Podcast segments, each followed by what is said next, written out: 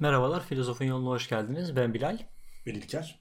Hatırlarsanız e, Platon'la başlayan akıma ve kurduğu öğretiye biz Platonculuk diyorduk. Bundan geçen programda da birazcık bahsetmiştik. Aristoteles için de benzer bir durum söz konusu.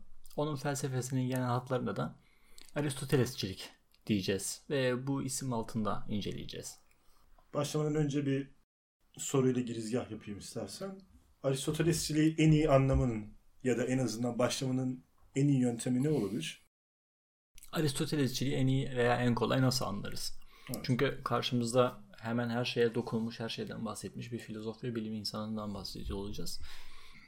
Ee, Aristoteles'i anlamanın, ona başlamanın en kabul gören yöntemi onun Platon'la karşılaştırılmasıdır. Nihayetinde hem Platon öğrencisi hem de onun felsefesinden çok etkilenmiş bir insan. Bu yapacağımız kıyaslama da seri boyunca yapacağımız ayrıntılı incelemenin de bir ön hazırlığını teşkil edecek. Bu programı belki anlamayabilir dinleyicilerimiz.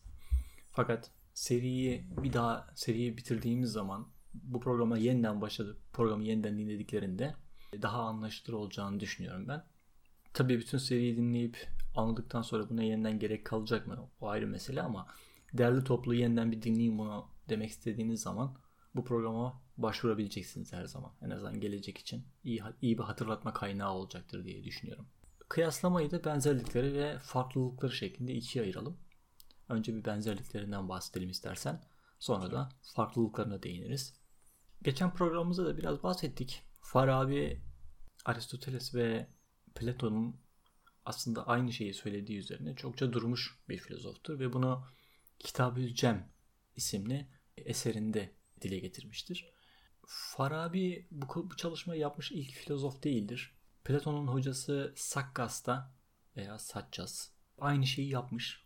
7 tane kitap yazdığı rivayet ediliyor bu konuda ama kitaplar elimizde değil. Bu Farabi'nin yazdığı kitab Cem de Cem yanlış hatırlamıyorsam bir araya getirme anlamına geliyor. İşte cami de hatta bir araya gelme. İnsan, insanların cem ettiği yerdir. İnsanların bir araya geldiği yere de cami deniyor. Önce metafiziğinden başlayalım. Platon'dan bahsettiğimiz programda bunu da yine dile getirmiştik. Platon'un felsefe tarihine en büyük katkısı belki de onun yaptığı idealar kuramıdır. Bu kuramın etkilerini ta modern çağa kadar görmeye devam edeceğiz. Aristoteles de bu konuda yani varlık ve gerçekliğin, tözün ne tür bir şey olduğu konusunda temelde Platon'un söylediklerini devam ettirmiştir. Aristoteles için de töz gerçek varlık, ezeli ebedi, değişmez, hareketsiz, madde dışı bir şeydir. Platon bunlara idea diyordu. Aristoteles de form diyecek. Bu form kavramı biraz kafanızı karıştırabilir ne olduğu konusunda. Metafiziği ayrıntılı incelediğimizde biraz daha anlaşılır olacak. Şimdilik bir tarafta kalsın bu. Platon varlık konusunda idealist bir çizgideydi. Bilgi konusunda da rasyonalist bir duruş sergiliyordu. Aristoteles de benzer bir çizgidedir. Ona göre de bilginin ve bilimin konusu olarak bireysel duyusal şeyler değil, formlar yani duyusal üstü madde dışı gerçeklikleri, tümelleri kabul etmeli ve onları kavrayan yetinin de esas itibariyle akıl olduğunu söyler. Bu konuya ayrıca girmeye gerek var mı? Yani felsefe tarihinde ilerlediğimiz zaman sürekli bu kavramlarla karşılaşacağız. Her seferinde geriye dönersek programlarımızın hem içeriği çok geniş olacak hem de süresi çok uzayacak. O yüzden dinleyicilerimizin artık yavaş yavaş sözlüklere ya da başka kaynaklara da bakmaya başlaması gerek herhalde diye düşünüyorum. Farklılıklardan bahsederken değinmiş olacağız zaten. Ya hayır mesela idealist nedir? Pozitivist nedir? Rasyonalist nedir? Her seferinde tanımlamak biraz güç olacak bizim için. İlerledikçe çok daha fazla karşılaşacağız çünkü böyle kavramlarla. Metafiziğin haricinde epistemolojisine bakalım. Yani bilgi felsefesine. Platon bilim için ideal olarak geometri örneğine göre tasarlanmış, tamamen dediksiyonlara dayanan formel bir yapı önermişti. Kanıtlanmaya ihtiyaç duymayan, apaçık ilkelerden yola çıkarak bilim yapılıyordu. Kısaca bir mantıktan değinmiştik yanlış hatırlamıyorsam. Belki Herakleitos'la ilgili bir yaptığımız programda. Aristoteles'e göre de bilim özü, özü itibariyle kanıtlanmış bilgidir. Ve bilim denen şey bu tarzda kanıtlanmış önermelerle meydana gelen bir sistemdir. Yalnız o bu kanıtlamanın aracı olarak geometriyi görmüyordu. Bilimsel kıyasların İslam dünyasında, İslam felsefesinde burhan diyerek geçiyor. Burhanların yani kıyasların sonuç önermelerinde görüyordu. Burası da yine biraz anlaşılmaz ilk başta bahsettiğimiz gibi ama e, biliminden bahsedeceğimiz zaman, onun epistemolojisinden bahsettiğimiz zaman birazcık mantığa değinmiş olacağız. Orada biraz daha e, açık açık ifade edeceğimizi düşünüyorum bu konuyu. Teorisine baktığımız zaman aslında yine bir pek bir farklılık görmüyoruz. Platon tanrı veya tanrıları idealar olarak görmüyordu ama onların tinsel şeyler olduğunu düşünüyordu. Aristoteles de Tanrı'yı içinde yaşadığımız dünyadan ayrı, aşkın, saf bir düşünce veya akıl olarak takdim eder. Form olarak görmez. Psikolojisine baktığımız zaman Platon ruhu bedenden ayrı bir yapıda, bilmediğimiz bir nedenle bedene düşmüş veya beden zindanında ölümsüz bir töz olarak kabul ediyordu. Buna karşın Aristoteles e, ruhu olgunlaşmış bedenin bir işlevi, formu olarak tanımlıyor ve bedenin bozulması demek ölümle birlikte ruhun da yok olduğu iddiasında bulunur. Burada aslında temelde bir farklılık var görünüyor. Birisi ruhun ölümsüz olduğunu söylüyor, birisi ruhun ölümlü olduğunu söylüyor.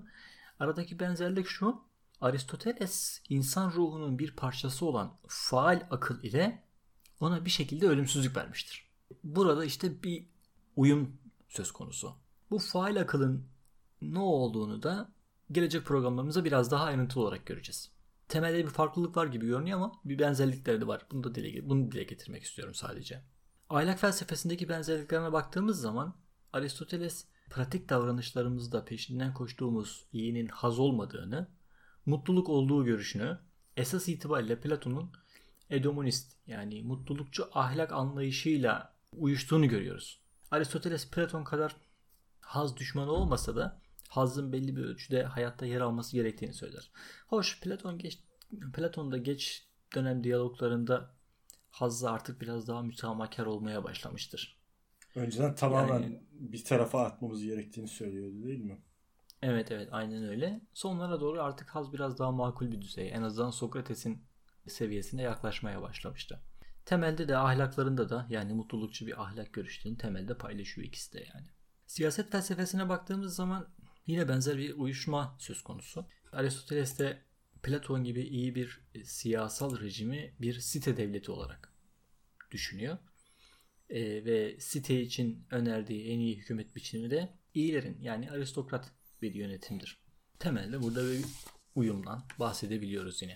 İşin daha eğlenceli kısmı farklılıklar olacak elbette. Aristoteles dersini ilk aldığımız Aristoteles'e özel yani Aristoteles'in anlattığı ilk ders ne? Hocamız uzunca Platon'dan bahsetmişti.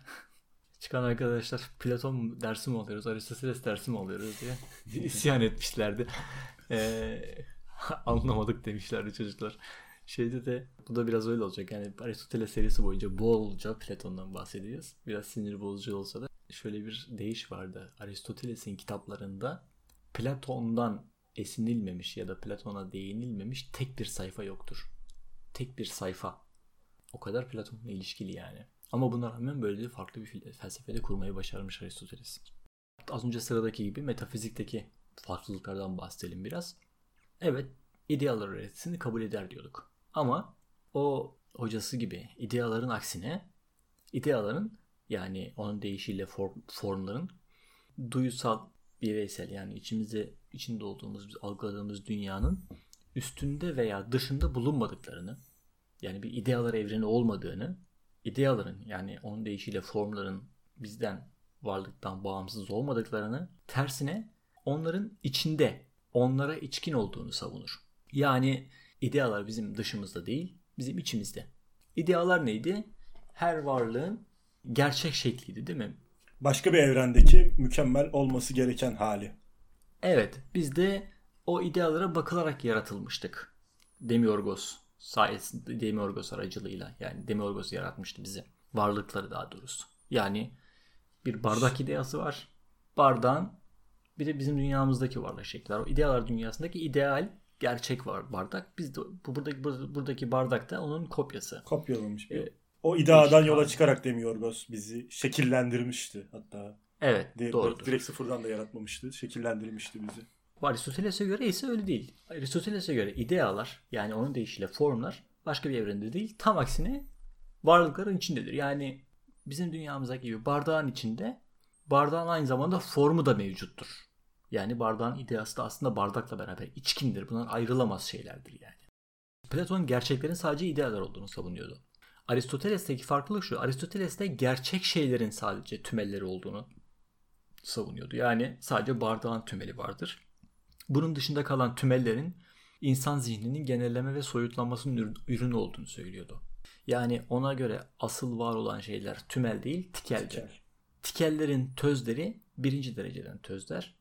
Gerçek dünyadaki şeylerin tözleri de ikinci dereceden tözler olarak tasnif ediliyor. Mesela hareketin şeyi yoktur, ideası yoktur Aristoteles'e göre.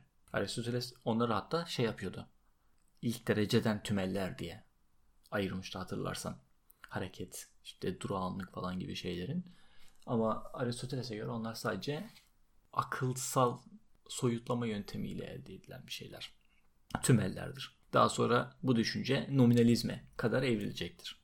Epistemolojisindeki farklılıklara baktığımız zaman Aristoteles'in hocası gibi bir rasyonalist olduğunu yani bilginin kaynağının akıl olduğunu söyleyecektir. Bilginin konusu olan formların da görülmesi veya sezilmesinde duyulan hiç olmazsa hareket noktası olacak belli bir önemi ve derecesi olduğuna inanacaktır. Yani duyuların. Evet bilim duyu değildir. Çünkü duyu bize tümeli, evrensel ve değişmez olanı, kalıcı olanı veremez. Ancak ona göre duyuyu kaybeden bir dünyayı da kaybeder. E, duyulardan esinlenme, yararlanma da akıllı yürütmenin bir parçasıdır. Aristoteles'te diyebilir miyiz? Mesela Kant'a biraz daha oturmuş bir şekle sahip olacak. Bu mesela şöyle bir şey düşün İlker. Hiçbir duyunun olmadığını düşün. Görmüyorsun, duymuyorsun, koklamıyorsun, hissetmiyorsun. Senin beynin herhangi bir şey üretebilir mi bu durumda? Bilgi. Yani tamamen bomboş bir karanlığın içerisindesin. Hiçbir duyun yok yani. Senin herhangi bir beyin bilgi üretebilir mi bu durumda? Üretemez diyor. Yani, yani evet ama başlangıç için diyor Aristoteles duyu önemlidir. Birinci dereceden değildir ama duyusuz gözlerini kaybettiğin zaman dünyayı da kaybediyorsun. Göremiyorsun artık dünyayı. Haliyle dünya ile ilgili, dünyadaki tümellerle ilgili bilgi de üretemez hale geliyorsun. Ama temelde rasyonalisttir. Yalnızca duyuların da önemine değinir. Bilim Aristoteles'in çok önemli bir yerde. Aristoteles bilimin ideali olarak tamamen kanıtlanmış önermelerden gelen bir yapı önerir. Şeyde de böyledir. Aristoteles, Platon'da da böyleydi. Fakat ondaki farklılık kanıtlanmış önermelerin tüme varımsal bir yöntemle elde edilmesidir. Mesela bilgi diyelim. Ne diyelim? İnsanlar ölümlüdür. Bu kesin bir bilgidir değil mi? Buna biz dedüktif bir dedüktif kesinlik içeren bir bilgi diyoruz. Fakat bu bilgiye biz nasıl ulaşıyoruz? İnsanların teker teker öldüğünü izleyerek değil mi? Bu da tüme varımsal bir bilgidir. Tüme varımsal bir şekilde elde ediyoruz. Artık o bilgiyi tümden gelin şekilde kullanıyoruz. Daha sonra İlker ölümlüdür. İlker bir insandır diyoruz. Diğer önermemiz. Ondan sonra İlker'in ölümsüz İlker'in ölümlü olduğu sonucuna varıyoruz. Artık bu da elimizde kesin bir bilgi var. Çünkü insanların öldüğünü biliyoruz. Kesin olarak biliyoruz. Mantığı incelediğimiz zaman bu konuya biraz daha değinebileceğiz. Teolojisine baktığımız zaman esas farklılıkları burada görmeye başlıyoruz. Platon Tanrı'yı ideaları seyrederek duysal dünyayı meydana getiren bir yapıcı olarak tasarlamıştı demiyoruz. Buna karşın Aristoteles'te Tanrı evrenle ilgilenmek şöyle dursun. Evreni bilmez bile. Tanrı evrenin yapıcı nedeni değildir. Ereksel amaçsal nedenidir. Tanrı bir akıl veya düşüncedir ve ancak konusu bizzat kendisidir. Tanrı mükemmel olduğu için haliyle konusu da onun gibi mükemmel olmalı. Onun gibi mükemmel olan ne var? Başka kimse yok. Haliyle sadece kendisini düşünür. Evrendeki her şeyde mükemmel olana ulaşmak ister. Dolayısıyla evrensel hareket dediğimiz şey buradan başlar. Hareket etmeyen hareket ettirici. Bunu biraz şey incelediğimizde daha ayrıntılı göreceğiz.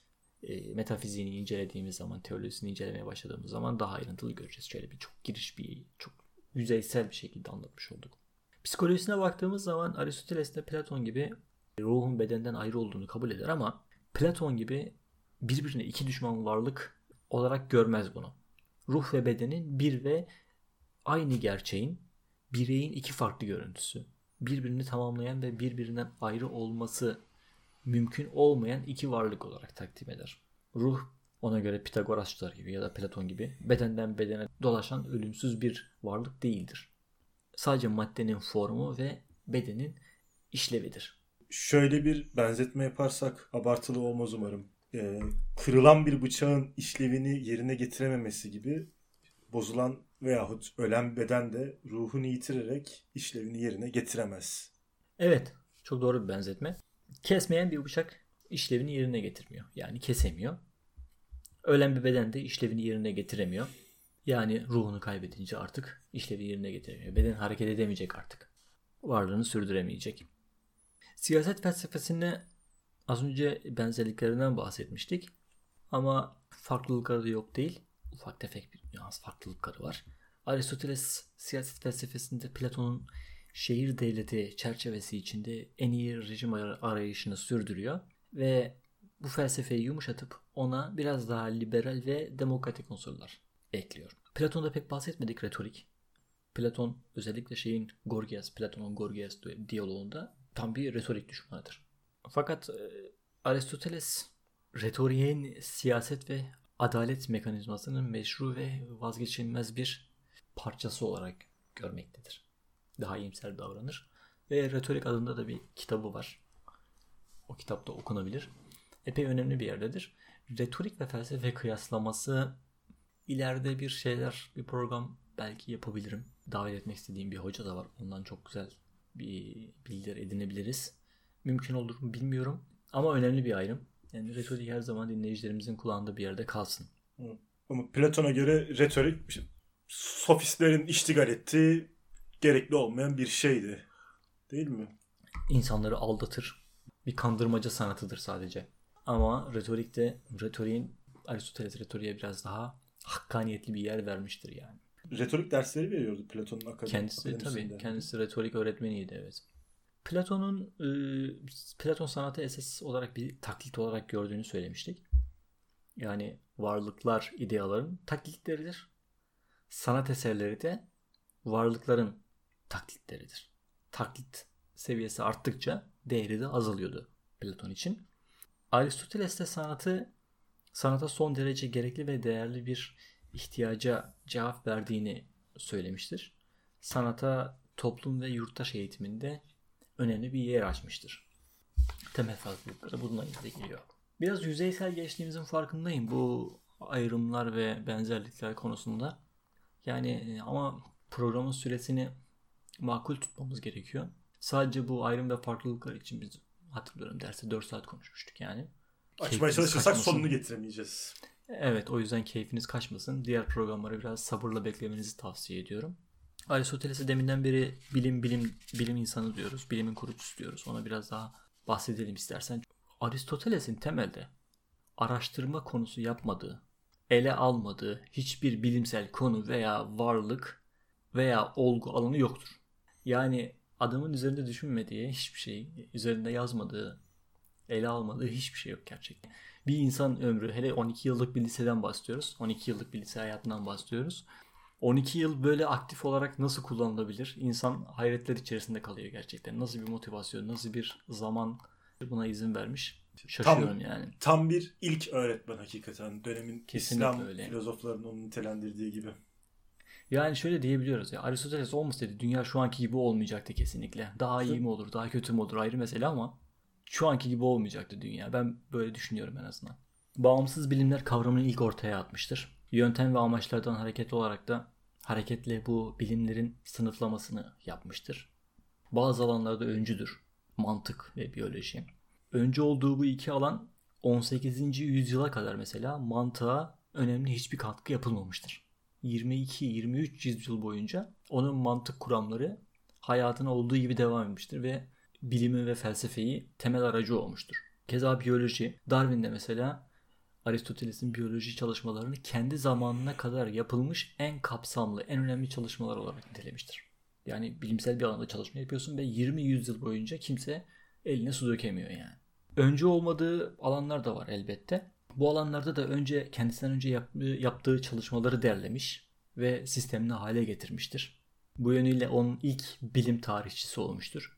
Felsefe çalışmalarında da aynı disiplini aynı yöntemi kullandığı için aynı zamanda ilk felsefe tarihçisi de olmuştur. Özellikle ilk çağ felsefesine başladığımız yani Sokrates öncesi dönemden konuştuğumuz zaman sürekli Aristoteles'te şöyle Aristoteles şöyle der diye kaynaklarda gösteriyorduk birçok programımızda. Çünkü o aktarımların çoğu Aristoteles'in kitaplarından elde edilen şeyler.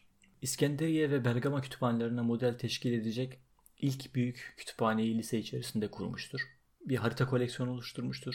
Bir doğa tarihi müzesi kurmuştur. Tam bir arşivci ve şey sistem, sistem adamı.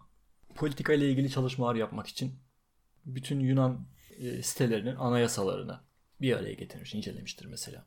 Bilimsel sınıflamasına biraz bakalım. Bu biraz e, ilginç gelecek günümüzdeki insanlara.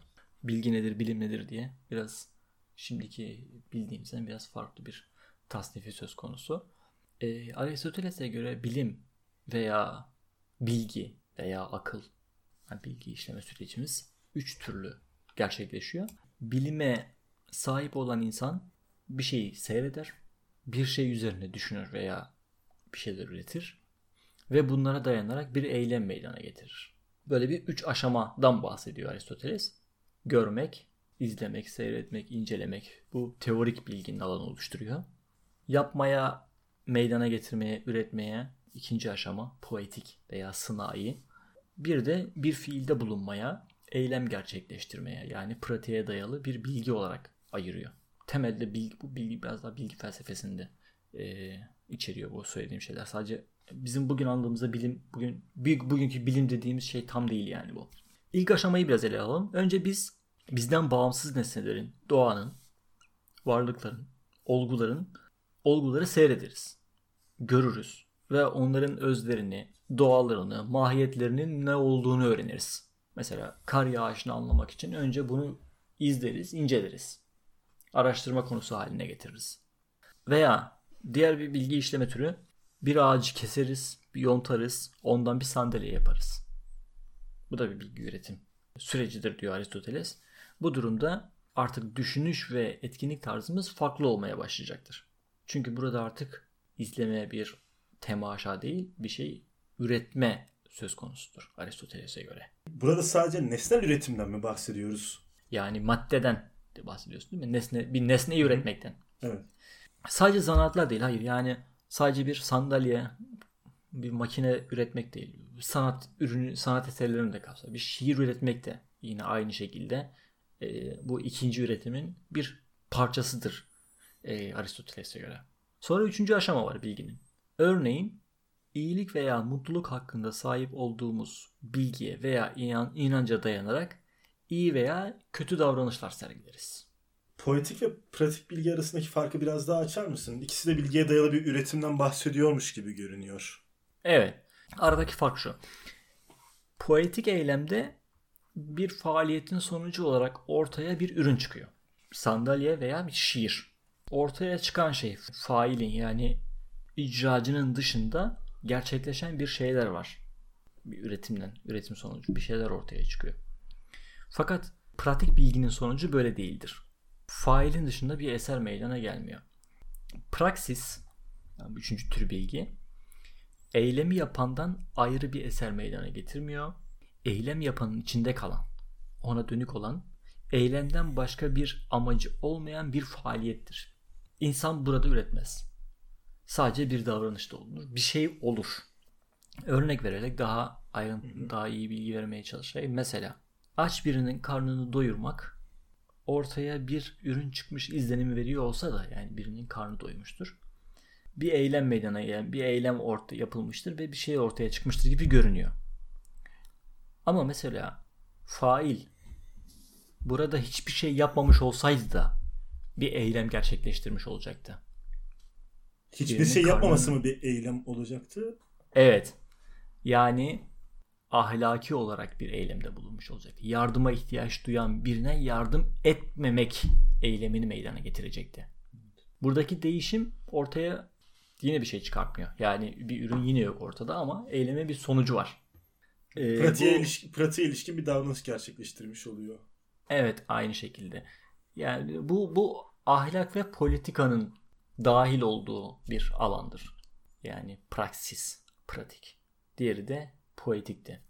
İkincisi ortaya bir ürün meydana getirmek. Poetik, ahlaki veya politik bir davranış yapmak praksis Aristoteles'e göre. Biz bu ikinci tür bilgiyi artık bilim olarak kabul etmiyoruz. Yani praksisi artık bilim olarak kabul etmiyoruz. Üçüncü tür de bilim olarak kabul edilmiyor. Üçüncü yani tür. praksis. Üçüncü tur. Tür. Praksis. Poetik ve praksi- praksis artık bilim olarak kabul edilmiyor bugün.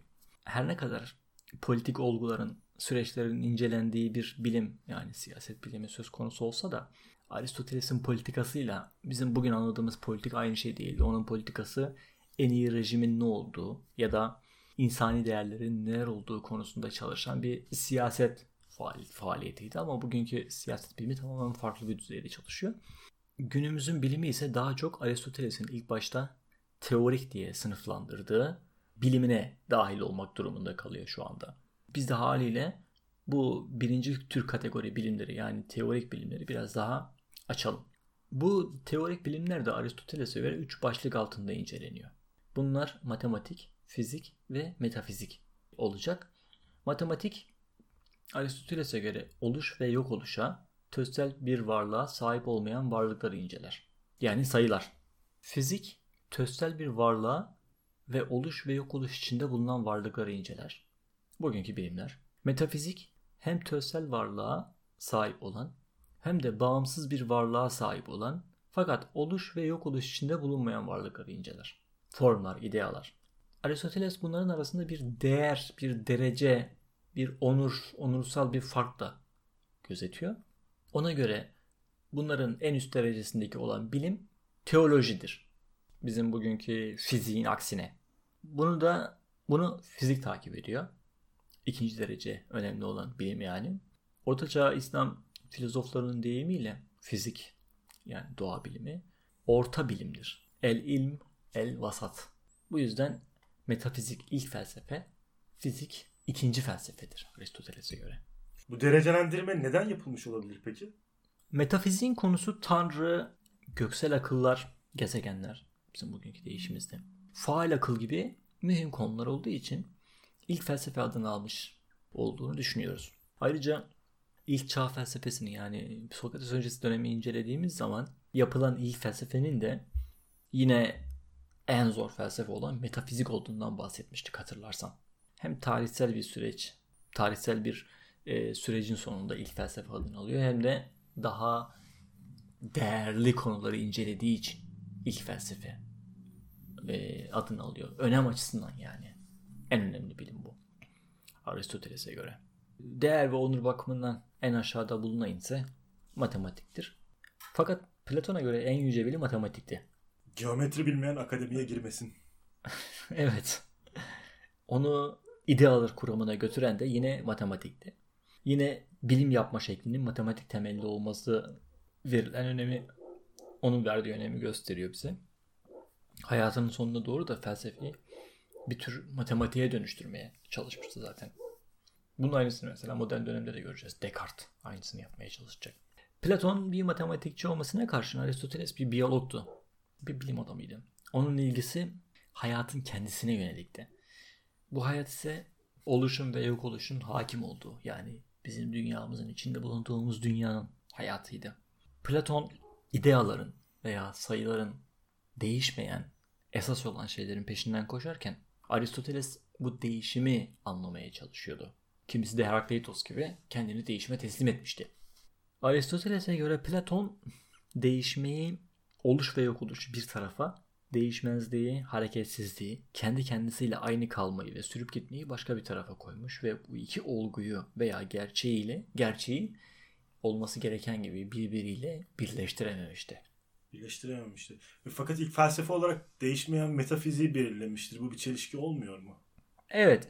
Aristoteles de değişmez, hareketsiz olanın yani formların, ideaların bilimin konusunu teşkil etmesi gerektiğini düşünür temelde. Bunların varlığını kabul eder ama o sadece bunların var olmadığını, hareket, oluş, gelişme içinde olan şeylerin de var olduğunu kabul eder. Varlığa içkin olarak. Hayır o biraz daha farklı. farklı mı? O değişmeyeni, hareketsiz ve kalıcı olanı bizzat değişme içinde olan duyusal dünyanın içine sokmaya çalışmaktadır. Evet aslında söylediğin şey doğru. Ne diyorduk? Değişmeyenin yani formun varlığın içinde olduğunu söylüyordu. Değil mi? Haliyle Değişim, Değişim bir parçası olacaktır. evet değişimli ve değişmeyen birbiri içerisinde olmalıdır. Birbirine içkin olmalıdır. İncelenmesi gereken budur. Evet haklısın.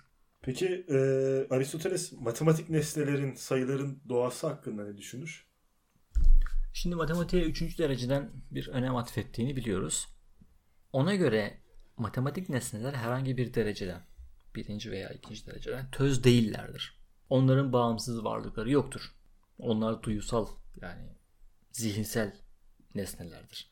Fizikte, matematikte bazı nesneleri inceler ama fiziki nesnelerin bazı özellikleri vardır. Mesela sertlik, kuruluk, ağırlık.